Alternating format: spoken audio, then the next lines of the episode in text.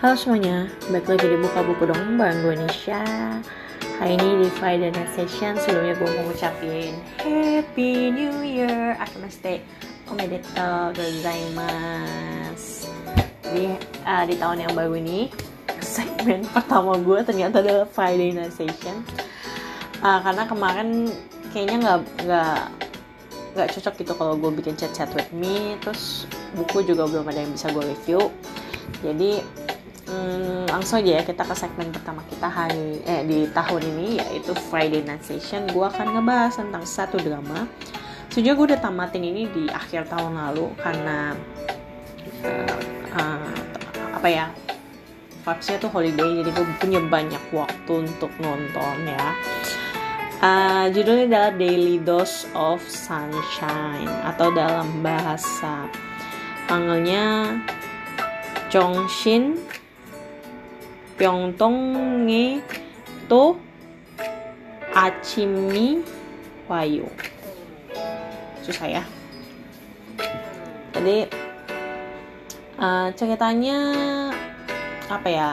Lebih kayak healing, healing, healing, nggak healing juga sih sebenarnya. Tapi uh, temponya tuh kayak suasana yang digambarkan. Terus ini tuh lebih kayak santai gitu ya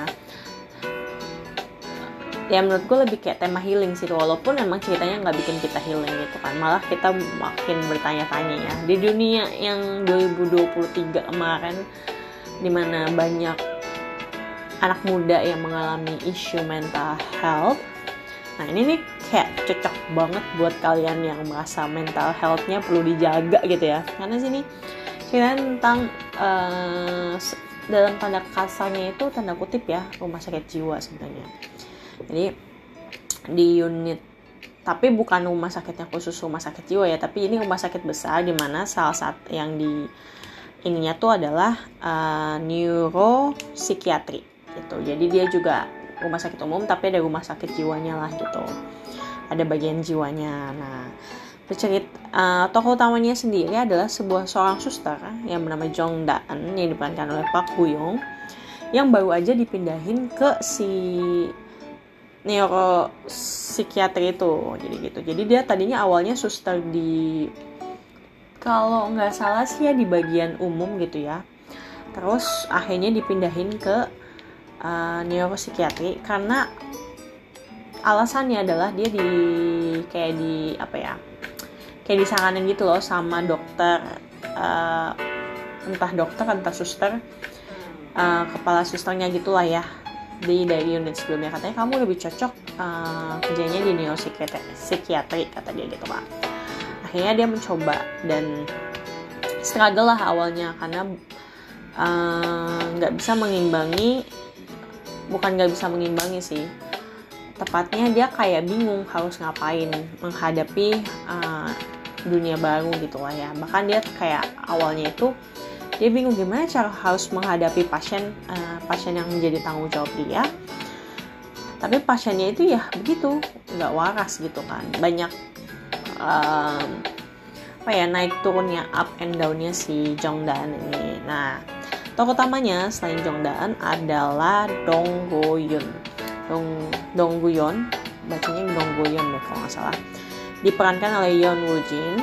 Ini sebenarnya artisnya lumayan cukup bagus aktingnya tapi entah kenapa gue jarang lihat drama dia gitu ya. Nah Donggoyon ini adalah uh, dokter gue nggak tahu ya sebutannya apa tapi dia tuh kayak dari uh, wasir gitu loh. Jadi dia kayak ini ini tentang sakit wasir gitu lah kurang lebih. Nah Donggoyon ini ceritanya punya kebiasaan yang aneh. Jadi dia tuh selalu petekin apa sih kalau kita tuh yang kayak petekin kuku eh kukunya jarinya gitu loh. Nah tapi nggak berhenti berhenti dan dia akan terus menerus melawan itu gitu. Nah jadi dia akhirnya ke neuropsikiatri ke dokter uh, psikolog psikiater sorry untuk nanya nih kenapa ya dia kayak gini terus? gitu. Sampai ketemu tiba-tiba ketemu Jongdaan dan dia nggak dia berhenti ngelakuin protection kuku itu tadi. Nah di situ uniknya. Terus yang ketiga tokoh utamanya adalah Song Yu Chan diperankan oleh Jang Dong Yun. Ini dia lagi naik daun banget. Gue sampai nyari Buset dia ada banyak banget drama yang dia mainin di dalam waktu yang bersamaan. Maksudnya yang tayang bersamaan gitu loh. Nah jadi Song Yu Chan ini adalah temannya Jong Daan. Teman masa kecilnya Jong Daan terus uh, dia ini sebenarnya calon dokter guys. Dulu pernah kuliah kedokteran bareng sama si dokter Goyun tadi. Tapi karena satu dan lain hal Yu Chan ini malah nggak uh, gimana sih bilangnya? Nggak nggak jadi dokter gitulah ya. Nah nggak jadi dokter akhirnya dia malah kerja kantoran. Tapi dia lagi berhenti kerja. Ternyata dia juga punya ngalamin uh, satu kondisi kejiwaan yang cukup serius kayak uh, gue bingung sih kayak panik gitu loh. Jadi kayak uh, gampang panik mudah panik gitu lah ya. Tapi gue lupa tuh namanya apa. Kayak panik disorder gitulah gitu nah di nggak tahu kalau utama ini nanti terlibat cinta segitiga tapi nggak terlalu banget gimana kok. Karena ini emang fokusnya bukan tentang cinta-cintanya guys. Jadi fokusnya lebih kayak ke pasien pasien-pasien di rumah sakit jiwa tersebut gitu. nah jadi ini banyak unik nanti kalian bisa ketemu pasien yang aneh-aneh mungkin ada yang relate sama kehidupan kalian gitu ya ya who knows gitu kan nah tapi selain tiga tokoh utama ini gue lebih suka malah sama yang namanya Suster Mindere dan Dokter Huang Hyowan. Jadi Dokter. Huang Hyowan ini adalah uh, dokter yang juga kenal sama Jong Daan dan Song Yu Chan dan juga kenal sama Dong Goyun tentunya karena kan mereka kerja di rumah sakit yang sama. Tapi mereka lebih punya khusus itu karena di si Yohwan ini adalah tutor si Jong Daan dan Song Yu Chan dulu waktu pengen kuliah saya masuk ke, ke universitas kayak gitu nah kisah cintanya si Dr. Yohwan dan uh, Suster Del ini menurut gue lebih yang menurut gue lebih into banget gue senang banget sama kisah cinta mereka karena si Yohan ini tuh kayak cinta mati sama si Suster Del Rey tapi si Del Rey nya itu kayak nggak mau terima Yohan karena perbedaan status sosial yang terlalu tinggi. Si Dore itu uh, hidupnya pas-pasan bahkan bisa dibilang kekurangan karena dia punya banyak hutang.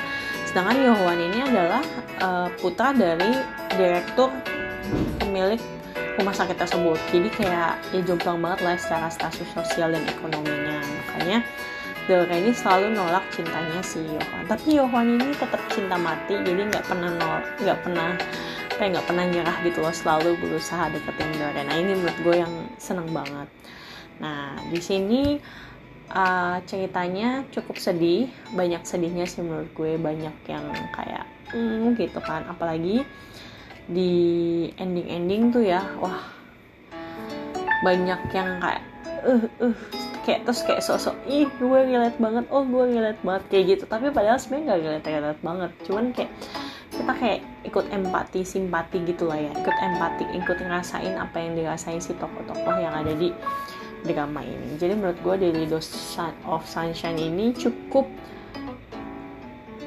menyentuh hati bikin kita pun berpikir tentang kehidupan kita sendiri. Jadi kayak hmm, oke okay, kayaknya emang kita harus jaga kesehatan mental kita sendiri kayak gitu loh. So ini drama yang bagus drama yang lucunya juga dapat guys. Jadi sedikit-sedikit ada bagian lucunya. Dan kalian harus nonton sih menurut gue Daily Dose of Sunshine cuma 12 episode kok guys awalnya gue sempet stuck di episode 1 ya kalau nggak salah karena gue nggak ada waktu terus kayak karena males gitu kan tapi akhirnya pas gue binge watching oh ya seru gitu kan jadi gue terus-terusan nontonin lanjutannya gitu So, itu aja yang bisa gue review dari drama ini. Sekali lagi, Happy New Year. Akimashite omedetou gozaimasu. Uh, selamat tahun baru buat kita semua. Semoga di tahun ini uh, kita semua diberi kelancaran, kita semua diberi apa ya uh, kesehatan selalu juga, diberikan uh, bisa menggapai goals-goals kita di tahun ini. Dan semoga uh, podcast ini tetap bisa jalan dan tetap banyak yang dengerin walaupun ya yang dengerin ya ya sebanyak yang tidak kita sangka tapi tetap puji Tuhan sih karena tetap masih banyak pendengar-pendengar baru yang uh, engage ke buka buku dong gitu terus kemarin sempat dinotis sama penulisnya Penaka yang minggu lalu gue review bukunya thank you Kak Altami uh, thank you udah notice gue bahkan mention di IG story uh, sukses terus juga buat Kak Altami dalam menerbitkan buku-buku lainnya menemukan inspirasi untuk membuat cerita-cerita yang baru. So, itu aja. See you next time. Bye bye.